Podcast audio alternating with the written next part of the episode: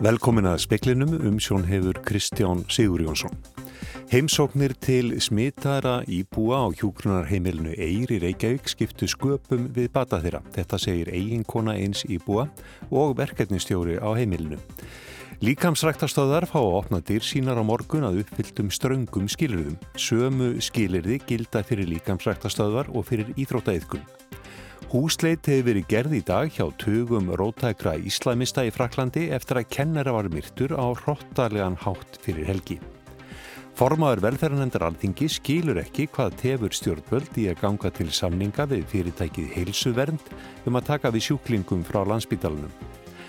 Það stefnir í að gerði verið 330 samningar í kjara samningarlótunni sem hóst fyrir tæpum tveimur árum.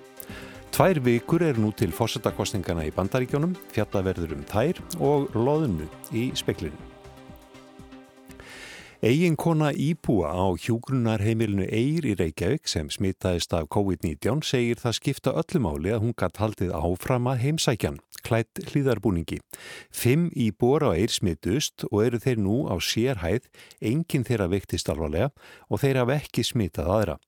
Egin maður Ólafar Egilstóttur er eitt þeirra sem smitust, hann er með heilabilun og segir Ólafja mjög mikilvægt að geta heimsóttan. Bara öllum áli. Mér fannst það alveg frábært að ég skildi gera þetta. Leif okkur að koma. Klæð okkur í alla þessa munderingu og alveg indislegt bara. Heldur það að það hefði skipt máli fyrir hann? Ekki spurning sagði Ólafíja Egilstóttir í samtali við Ölmu Ómarstóttur, nánar verður rætt við hana í sjómasfréttum. Formaður velferðanemndar alþingis er fylgjandi þeirri hugmynd að flytja sjúklinga af landsbítalanum á í húsnæði og við um fyrirtækisins helsuverndar í Kópói. Hún bendir á að það geti verið markvallt ódýrara fyrir hið ofinbera. Forsvarsmenn landsbítalans fulltrúar heilbriðisraðunitisins og forsvarsmenn fyrirtækisins heilsuvendar kom á fund velferðanendar alþingis í morgun. Tilefnið var að ræða hugmyndir heilsuvendar um að taka við að minnstakosti 100 sjúklingum frá landsbítalanum í stórri byggingu við urðarkvarfi Kóbói. Heilbriðis ráðuneti er allar að hraða eins og kostur er afgreðslu erindis fyrirtækisins en þetta er í annað sinn á skömmum tíma sem það kemur inn á borð ráðunetisins. Helga Vala Helgadóttir, formaður velferðarnemdar, segir að á fundunum í morgun hafi komið skýrt fram hversu mjög útskriftarvandi landsbítalans hefur aukist. Það kom líka fram að kostnaðurinn við að hafa sjúklinga annar staðar enn á landsbítala er mun minni. Eh, Sólarhingurinn kostar um 40.000 á hjókurunaheimilum en 70 til 200.000 á landsbytala sem eru auðvitað hátækni sjúkrahús. Þannig að, að þetta er einfallt reiknistæmi að, að við eigum ekki að vera að sapna fólki á staði þar sem að, það á ekki að vera og að það er bara óhendugt. Helga Vala segist vonað ráðunetti sér opið fyrir því að ganga til samninga við fyrirtæki á borðið heilsuvernd. Ég held að það eigi að vera einblín á þá sem að hafa möguleika á að veita heilbríðsjónustu frekar en að horfa á gistaheimili eða hótel hvað var þar þá sem að þurfa heimilistjónust að halda. Þannig að finnst þér að þetta að ráðast í þetta verkefni? Fyrir mér er þetta einfalt reiknistami. Þannig að ég hérna skil ekki alveg hvað tefur. Hvernig var hljóði í fundamönu? Voru menn svona hlindir þessu almennt? Mér fannst uh, það já. Sagði Helga Vala Helgadóttir í viðtali við Jóhann Bjarnar Kolbeinsson. Opnun líkamsræktar stöðva að uppfylltum ströngum skýlirðum byggist á að jafnræðis og meðalhófs sé gætt. Sömu skýlirði skuli gilda fyrir íþróttaiðkun og líkamsrækt. Þetta kemur fram í tilkynningu frá heilbreyðis raðunitunum nú síðdeis. Þórólfur Guðnarsson sagði í morgun að hann teldi ekki tímabært að opna líkamsræktar stöðvar að svo stöttu. Á upplýsingafundi almannavarna í morgun kom fram í máli Þóróls Guðnarssonar sóttvarnarleiknis að skýra þyrti hvaða skilirði væri nöðsynlegt að uppfylla til að líkamsættastöðvar mættu opna. Hann mælti með því minnisblæði sínu að líkamsættastöðvar skildu áfram vera lokaðar en í reglugerðinni er þeim veitt heimil til að opna með sömu skilirðum og settir fyrir íþróttaiðkun án snertingar. Varðandi líkansræktastöðvarnar þá er það alveg ljóst í mínum huga að við erum með aðal uppsprettu eh, faraldusinn sem er núna eh, er frá líkansræktastöðum, ekki bara einni heldur fleirum og þetta er svo starfsemi sem ég held að væri, eh, það var ekki mjög heppilegt að sjá þá starfsemi fara aftur í gang núna uh, með þá vittnesku. Þannig að, að, að það er það sem við þurfum að ræða betur við ráðunetti. Hann fundaði með heilbreyðsáþurra í dag til að fara yfir ákvæði sem gilda um íþróttir og líkamsrækt sangkvæmt reglugerð heilbreyðsáþurra. Í reglugerðin er kveðið áum að líkamsræktastöðvar megi vera opnar að því gefnu að þar sé einungi stundu starfsemi sem rúmast innan þeirra takmarkana sem reglugerðin setur. Ráðuneytið minnir á að öll blöndun milli hópa er óheimil, jamt í tengslum við salurnisaðstöðu, búningsaðstöðu, inn- og útganga og svo framvegis. Skilirðin sem gilda bæði um íþróttaiðkun og líkamsrækt eru að slík yðja verði leifð að hámarki í 20 manna hópi þar sem tveggjametrareglan er virt, sótrensun synd og yngir áhörundur viðstatir. Bjarni Rúnarsson sagði frá og áfram um líkamsræktarstöðvar en eigundur þeirra segja mjög óþægilegt að ósamræmi sé á milli tilmælast sóttvarnalæknis og reglugerðar heilbriðisáðra en heilbriðisráðniti tilur ekki fært að loka líkamsræktarstöðum algjörlega. Sóttvarnalæknir tilur rétt að líkansrættastöðar sé áframlokaðar en að heimilt sé að stunda íþróttaiðkun án snertingar. Helbriðisraðaniti tilur ekki stætt á að banna líkansrættastöðum að vera með hóptíma þar sem að hámark eru 20 manns og 2 metra nálaða mörg. Virða þurfi jafnræði og meðalhóf. Stjórnendur líkansrættastöðva sem fréttastofan rætti við í dag segja vond að fá tvennskonar skilabóð. Það eru alltaf frekar óþægilegt að hafa eitthvað mísræmi en ég hef einbyggt mér að því að lesa minnisblöði þegar það kemur út, lesa svo reglugerðina, hlusta sem minnst á fréttir og hvað öllum finnst og finna leið til að sinna okkar yfkjöndum og gera það eins vel og vel innan ramma svo við getum. Segir Hrönn Svansdóttir, frangatastjóri CrossFit Reykjavík. Þröstur Jón Sigursson, eigandi sporthúsins, er á sama máli. Skelvilegt, eh, þetta náttúrulega var mikið í umræðinu fyrir tveim viku síðan og er að gerast aftur því miður og eh, við vitum ekki eftir hvaða leikreglum við erum að spila. Og eru það undirbúið eitthvað eða hvernig er svona lítið dagur nút hjá ykkur? Já, já, við erum náttúrulega á fullu fyrsta lagi að reyna að lesa úr reglugerðinni og tilmælinn sótartanleiknis. Eh, það er vissulega reglugerðin sem er lögjafinn og það kemur frá lögjafanum og, og, og við gerum ráð fyrir að vinna eftir henni. Eh, samkvæmt henni þá er okkur óhætt að bjóða upp á tíma á morgun. Sæði þröstur Jón Sigursson í samtali við Holmfríði Dagníu Fríðjansdóttur. Haugur Holm sæði frá. Franska lauruglan hefur í dag gert húsleit hjá tugum rótækra íslamista vegna rannsóknar á morði á kennara í bæ norðvestur af París fyrir helgi. Hans var minnst með einnar mínútu þögn á Evrópuþinginu í dag. Ungur maður reðst á kennaran Samuel Paty þegar hann kom út úr skólabyggingunni og hjóa á hann um höfuðið með sveðju. Lóregla skaut ótaðismannin til banaskömmu síðar. Hann var 18 ára, ættaður frá Tjettíniu, fættur í Moskvu. Sérar Darmanan innanrikisráð þar að Fraklands hétt því eftir ódæðið að ekki er því gert einnar mínútur hlý á leitinni að óvinnum líðveldisins. Lóreglan leitaði dag að gögnum í hýpílum tuga róttækra íslamista líkast til um 40 samkvæmt heimildum innan ríkisaráðunettisins. Að auki eru 51 samtök franskra múslima til skoðunar. Þess verður vendanlega krafist að einn þeirra, samvinnu hópurinn gegn Íslamsfóbíu í Fraklandi, verði lögð niður. Húsleitum verður framhaldið í vikunni. 15 eru í haldi lóreglunar, þar á meðal ættingjar ódæðismannsins og fjórir nefendur við skólan þar sem Samuel Patti starfaði.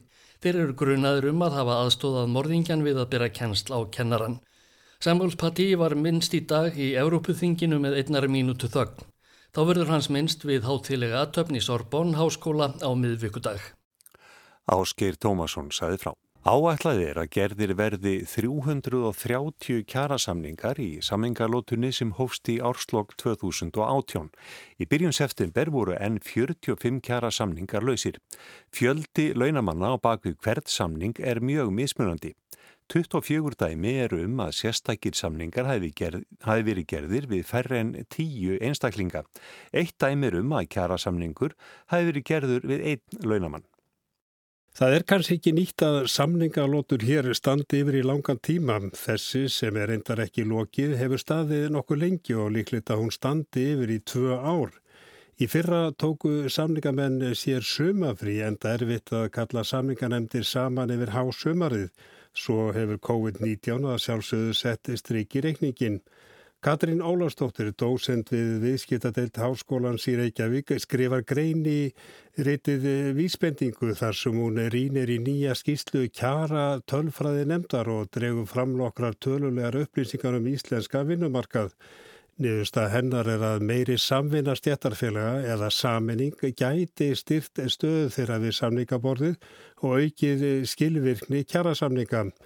Katrín ber til dæmi saman danskan og íslenska vinnumarkað aðelda stjættarfélagum er talsvert minni í Danmörku en hér á landi þar sem um 92% launamanna er í stjættarfélagum en um 67% í Danmörku.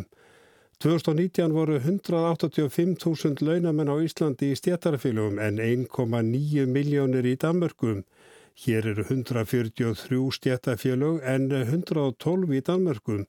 Vinnumarkarinn í heild er 14 sinu stærri í Danmörkum en á Íslandi.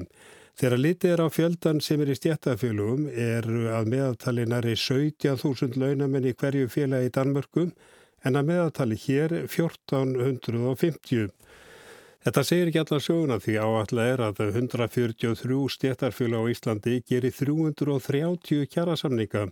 Skrifað hefur undir um 285 samninga. Í byrju september var 45 samningum og lokið. Kjaratölfræði nefndi byrti yfirliti yfir fjölda launafólks á bakvið 259 kjarasamninga. Samtals voru 158.000 manns á kjörskrá eða 610 að meðatali á hvert samning. Þetta segir heldur ekki alla söguna. Stæstur er samningur vaffer við samtöku atunlýsins en er til 34.000 manns en fjöldin á bakvið hvern samning er æði misjafn. 24 samningar voru gerði við færre en 10 einstaklinga. Einn samningur var gerði við einn mann. Eftir því sem næst verið komist er það stafsmaður á hafnistu og félagsmaður í stjættarfélagi bókasaps og upplýsingafræðinga. Helmingur samningana náðu til 100 manns eða færri. Katrín Ólastóttir segir að íslenskur vinnumarkaður skeri sig úr með að við annar staðar á Norðurlandunum. Atvinnu þáttaka er mjög há hér og sömbulegis herra hlutvall launafólks í stjættarfélögum. En er ekki hægt að fullir það að 330 kjara samningar sé mikill fjöldi með að við íslenska vinnumarkað? Jú, þetta er alltaf minnsti vinnumarkaður á Norðurlandunum. Eh, ég nú veit ekki töluna um fjölda kjærasamninga annar staðar eða hvort að það tölur er til en það má segja að 330 er ótrúlega hátala og minn herr heldur ég átti vona á. En hver er skýringin á þessu mikla fjölda kjærasamninga? Katrin segir að þessi margar meðal annars sögulegar. Þarna er við eigast alltaf á hérna hagsmunni stjættafélagana, það er sér sér hagsmunni þar sem á viðum þínu stjætt versus stærminn en einhvern veginn höfum við þróast í þessu átt. Margir þessi samningar eru gerðar í, í, í samfloti við aðra þannig að, að þó að þetta sé sérstakur kjærasamningur þá getur hann verið að formunu til eh, nákvæmlega eins og einhverju aðris. Þó að kjærasamningar séu gerðir í samflóti er það alltaf viðkomandi stjættarfélag sem hefur síðast orðið þegar að kemur á því að greiða atkvæðu um samninga. Eitt eða tvö stjættarfélag geta felt sína samninga sem gerðir hafi verið í samflóti fleiri félaga. Þetta er ekki óalgengt sem þýðir að semja verður upp á nýtt við viðkomandi félög. Í Danmörku er fyrirkomlaði annað þegar að félög semji í samflóti fer aðeins fram einn atkvæðagreisla sem lær til allra félagana sem voru í samflótunum. Eitt félag getur ekki felt samning í atkvæðagreislu innan síns félags. Að þessu leiti eru völd stjættarfélag hér meir en til dæmis í Danmörku. Já, þar er völdin algjörlega hjá stjættarfélaginu. Það er að segja að þú getur sami í samflóti við aðra en atkvæðagreiflan kjærasamningin er alltaf hjá hverju einu stjættafélagi. Þegar kemur á því að greiða atkvæðum kjærasamninga er eh, kjörsókn æði misjöfn. Meðal kjörsókn í félagunum innan ASI sem greitu atkvæðu lífskjærasamningin í fyrra var til dæmis 19%. Það er eiginlega sorglega lítil þetta hvað var þar allavega almennamarkaðnum. Það er með dæmi á hjá nópenbyrja að atkvæðagreiflan fara þar bí 100% en hún verist vera mjög lítil á almennamarkarum og fennir í 5%. En hvað á Katri við þegar hún talar um meiri saminningu og samvinnu stjættarfélaga? Ég til að sé uh, virkilega þess virði þegar maður er að horfa á þessa tölur að þegar þú ert með 50% sko, af þessum samningu sem hafa verið gerðir eru 100 manns eða þærfi á hérna, kjörskrá að það sé kannski samlegar áhrif þarna að stjættarfélag takir sér saman eða annarkot vinnið saman eða, eða hérna uh, íhugið saminningu uh, þannig að ég held að það geti bara komið stjættafélaginu vel. Þetta var Katrín Ólafstóttir, Arnar Páll Haugsson tók saman.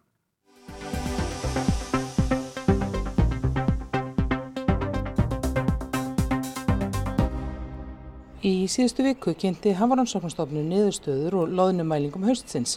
Lagði til að loðnuveðar verði ekki leifiðar í vettur en ráðgjöfin verði endur skoðu eftir áramót í ljósi mælinga sem gera á í upphafi árs. Þetta gæti orðið þriðji vetturinn í röð þar sem verður loðnu brestur því ekki hefur mælst nægilega mikið til þess að Hafaransóknastofnun geti mælt með veiðum. Birkir Bárðarsson, fiskifræðingur hjá Hafró, bendir þó á að bæði í haust og í fyrra haust hafi verið töluvert um unglóðinu í mælingunum en það er samt ekki trygging fyrir því að það verði loðna í vetur. Nei, það er rétt. Uh, við fengum góða unglónumælingu síðasta haust sem var upp á 82 miljardar einstaklinga og hérna sem hafa mjög gott og leiti til þess að við byggt á aflareglu þá er mælt með veiðum upp á 170.000 tonn en í haustmælingu okkar nú þá þá mælum við ekki það magn sem að uppfyllir það að hægt sé að mæla með veiðum. Þannig að, að þeirri ráðgjöf er þá nú breytt í, í að ekki er mælt með veiðum. En í fyrra haust uh, þá, það er réttast að benda á að þá var hérna, nokkur óvisa í þeirri mælingu. Þannig að, að, að þá spurðum við okkur að því hvað myndi byrtast núna En hins vegar þarf líka að benda á það í mælingum okkar núna að við, það var óvinni mikil útbreysla á hafís uh, en, en septembermánuður er svo mánuður sem hefur hvað minnst á útbreyslu hafís og, og, en, en þetta árið þá var hún meiri heldur en við höfum séð síðast einn tíu ár en það var árið 2010 sem við færðum þennan leiðangur einmitt fram í september. Þannig að leiðangurinn var kannski erfiður núna í haustu? Já, hann var erfiður. Bæði voru veður erfið og, og þessi óvinni mikla útbreysla hafís og, og, og við vorum að sjá loðnu við hafís röndina á sumum svæðum og við náðum ekki að fara yfir öll þau svæði þar sem við höfum áður verið að sjá loðnu til dæmis. Þannig að, að það er einhverja líkur á því að þetta sé vanmat hjá okkur á, á veðistofnunum þetta skiptið. Hvenar verður það ljóst svona, og hvenar komist þið aftur til mæling? Já, okkar plön gera ráð fyrir því að, að næsta mæling verði í januar og, og það er svo kvöldu vetramæling hjá okkur, þá, þá mælum við stopnin, hrigningarstopnin í januar og februar og þá munum við í rauninni sjá uh, hvað er í gangi, hvort, hvort að hér varum vanmat að ræða eða, eða hvað. Frá aldamótum hefur verið tölver hlínun í hafinu fyrir norðanland, segir Birkir, og líklegt að það sem er að gerast í loðnustofninum tengist því. En eh, síðustu ár hefur, já, í það minnst að dreyið úr þessum hlínunar áhrifum og, og, og það má spurja sig uh, hvað veldur þar. Uh, við hérna, það er eitthvað sem við þurfum að, að fylgjast vel með áfram er þetta spurningin um það að það sé bara miklu minna aflóðinu yfir höfuð eða hún hafi fært sig eitthvað? Já, það er samfarað þessum umhverfsbreytingu sem ég lísti á þann, þá höfum við séð uh, síðustu árin, síðustu 10-20 árin að hún hefur fært, útbreyslan hefur breyst, hún hefur færst vestar og norðar og, og, og við teljum að það sé tengt umhverf, umhverfinu og, og því tengt þá, þá má spurja sig til dæmis hvað hvaða áhrif það hefur á, á, á komu hennar á hrygningarstöðvarnar hérna vetri og, og við höfum verið að sjá hana síðustu ár koma setna inn á landgrunnið hérna við Ísland í tengslum við hrygningargönguna og, og þetta virðist allt haldast í hendur, það er að segja þessar umhverjusbreytingar og breytt hegðun í, í göngulónum. En þetta svo mynd skýrist kannski ekki fyrir enn í byrjun næst árs? Nei, í það minnst að það verður spennandi að sjá hvað við sjáum í janúar, februar og, og hvað skilar sér til hrygningar og líka þá hvenar, að hvenar uh, gangan uh, hérna á sér stað og svo má kannski benda á að það er annað sem við höfum verið að sjá aðeins uh, undanfarið ár, undanfarin ár er að það hefur verið aukinn hrygning fyrir Norðarland og eh, í fyrsta leginn má spyrja sig hvað getur valdið svoleiðis hvort að hérna, þessi, þessi breyta útbreysla og þá hugsanlega lengri gönguleið hafi valdið því að, að hún komist ekki allarleið suðu fyrir land og lendi því að þurfa að hrigna fyrir norðan það eru svona tilgátur sem að menn spurja sig að til dæmis. Og allt er þetta tilgátur? Allt er þetta tilgátur, já. Og, og það má líka benda á það að, að þessar mælingar sem við förum í, að, að, að þetta ber að skoða sem spár en ekki, ekki beina talningu á fiskum. Saði Birkir Borðarsson, Anna Kristín Jónsdóttir talaði við hann.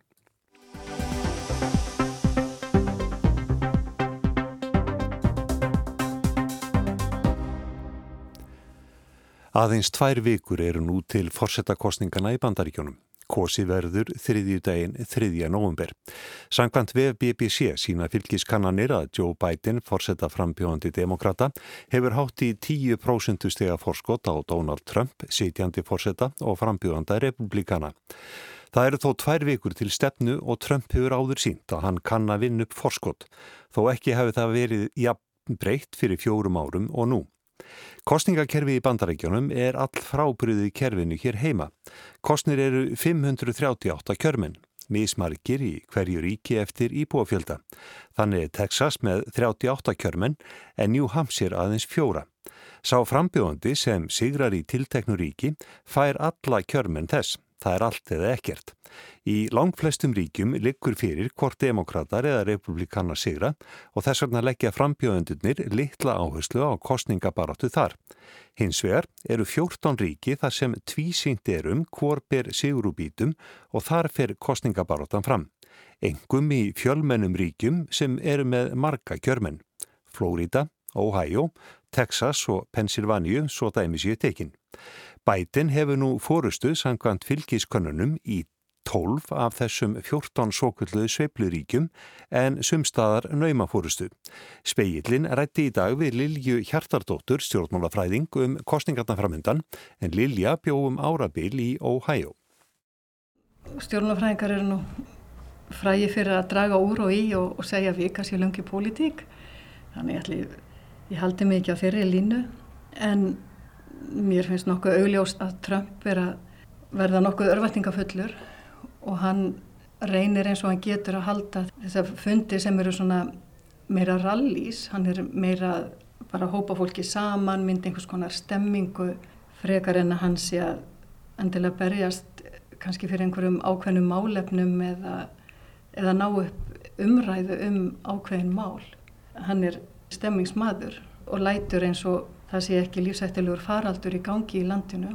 Hann kemst ennþá upp með það að, að líta fram hjá því og hann er ennþá, þrátt fyrir viðvaranir heilbreyðisífurvalda, þá er hann ennþá í því að sapna fólki saman, þúsundum saman og sem sagt tekur áhættu á því að uppkomi hópsmitt á meðan að bætin er, eins og hann hefur alltaf verið, svona varkárari og, og hann er heldur minnifundi eða kemur fram í fjölmiðlum og er að reyna að vera málefnalegur og ná upp samstöðu og fá fólk til að fókusera á hvernig bandaríkinn geti náðu sér upp úr þessum djúpa dal sem þau eru í núna og það vil hann gera með svona ákveðnum pökkum að, að bæta í efnahægin, leggja ásla á grænahagkerfið til að fara í innvið uppbyggingu og svo framvegist.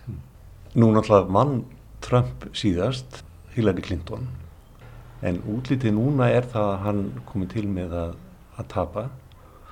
Hvað er það í hans stefnu sem að já, fylgismenn hans sem að kusa síðast get ekki hugsað sér að, að kjósa nú? Ef við skulum hafa í huga Hillary vann atkvæðafjöldan. Hún, hún fekk um þremur miljónu fleira atkvæða sem að skýrist af því að demokrater eiga, ef við getum sagt sem svo, atkvæði í þessum stóru ríkjum eins og Kaliforníu sem er með yfir 30 miljónu manna og stóru borgirnar á Östusturöndinni. Trump fekk fleiri atkvæði í þessum litlu ríkjum þar sem að fólk bara situr eftir margir atvinnulausir eða með litla atvinnu. Húsnæði þeirra er orðið við lítilsvirði vegna þess að, að þetta er fólk sem hefur setið eftir, við getum bara minnst á nattvæðinguna, allt þetta frjálsræði í verslun og viðskiptum sem hefur flutt ótalstörf yfir til Asju, sérstaklega Kína og við skulum muna það að Trump sagði, þú veist, ég elska kól, ég elska kóleiðinaðinn og hann lofaði að opna námur aftur, etc., etc. Þannig hann talaði mjög til þessa fólks sem að demokrater og stjórnmálumenn höfður og verið gleym. Það eru hópar fólk sem gleymast sem fólk sem situr eftir í mjög erfiðum aðstöðum og Hillary tala til dæmis ekki til þessa fólks. Misvægi atkvæða er svo gífurilegt í bandaríkjónum að við vitum það að Trump gæti náð kjörmennunum 270 jafnveg þó að fái 5 miljónum færri atkvæða.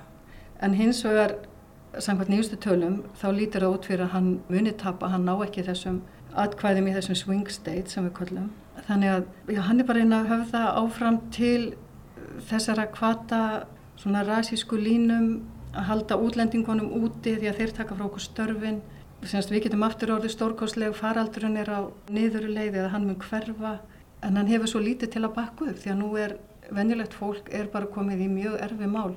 Sem leið og þú getur ekki borgað á húsnæðinu þú hefur mjög lítið svigrum bara varðandi fastegnalán og margir eru með bílalán og allskynslán og fólk fleiti sér oft bara frá mánuðu til mánuðar um leið og þú hættir geta borgað af að þá ertu í vandræðum. Þú þarfst jáfnvel að skila liklunum á húsinu þínu. Og ég held að mörgu fólki sem var illa statt að það sé farið að sjá að Trump hefur ekki lausnina sem það þarf á að halda. Mér heyrst þú eiginlega að segja það að fólk kýs fyrst og fremst út frá veskinu, út frá sínum eigin kjörum. Hvað er það sem að bætin hefur fram yfir Trump þarna? Já, kannski mjög margir gera það, en margir eru líka bara rétt eins og hér, fólk eða var. Við vitum það, það sem hefur líka verið hér heima á síðustu áratugum er þessi hotlust af stjórnmálaflokka, hún hefur snarmingað og ég held að sé svipa kannski í bandaríkjónum bara eins og í republikan, alltaf republikani þannig að fólk hefur mörguleiti mist trúna á kerfið eins og það er og mér finnst svo margir vilja breytingar. Og auðvitað spilaði Trump inn á þetta eins og við munum með Drain the Swamp. Og þarna talaði hann virkilega inn í hjartað á, á mörgum.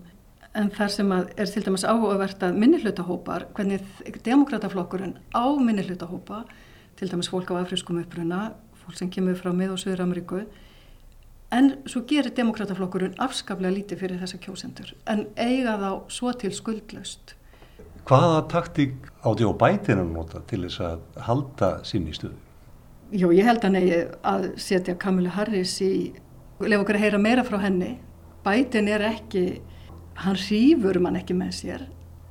Hún gerða miklu frekar, hún kemur mjög vel fyrir talar mjög skýrt og færi góð rauk fyrir máli sínu. Ég held að negi, ég heiklust að gefa henni meira rými. Bætin á að leifa unga fólkinu að stiga fram. Lilja, nú hefur náttúrulega COVID faraldurinn sett strykirreikningin og það hefur aldrei verið eins mikil þáttaka í postkostningum eins og núna. Ég held að síðust tölur hafi verið mikil 27-8 miljónir atkvaða í postkostningu. Hvaða áhrif hefur kostninga þáttakan á úsliðkostningar? Jú, hún skiptir mjög mjög máli og jáfnvel bara öllu máli og ekki síst hverjir kjósa. Við vitum það að þegar Obama var kosin að þá var það minni hlutahópanir, bæði sem svarti bandrækjamenn og fólk frá Suður-Ameríku sem að kaus vegna þess að þessir hópar kjósa demokrataflokkin miklu meira mæli og þannig að þess vegna sem republikanar vita það og þess vegna eru þeir eins og Trump hefur verið mjög á móti postkostningunum sem sínt er að virka mjög vel og það sem að republikan hafa gert í einstökun ríkjum þeir hafa hækkað stöðum þar sem hægt er að kjósa á sama tíma og kjósendum fjölgar mjög mikið. Núna um öll bandaríkinn stendur fólki í röði að byrja 6-7 klukkutíma að býða eftir að kjósa. Það er gífileg tórtrygni og það er ótrúlega daburt að sjá þetta risastóra gamla líðræðisríki að það skulle ekki ráða við kostningar. Sagði Lilja Hjartadóttir stjórnmála fræðingur. Það var helsti í speiklinum að heimsóknir til smitaðara íbú á hjúklunarheimilinu Eyri Reykjavík skiptu sköpum við bataðira. Þetta segja eiginkona eins íbúa og verkefnistjóri á heimilinu. Líkamsræktastöðar fá opnaðir sínar á morgun að uppfylltum ströngum skilurðum, sömu skiluri gilda fyrir líkamsræktastöðar og fyrir íþróttaeithkun. Það er ekki fleira í speklinum, tæknumar í útsendingu var Magnús Þorsteit Magnússon, veriði sæl.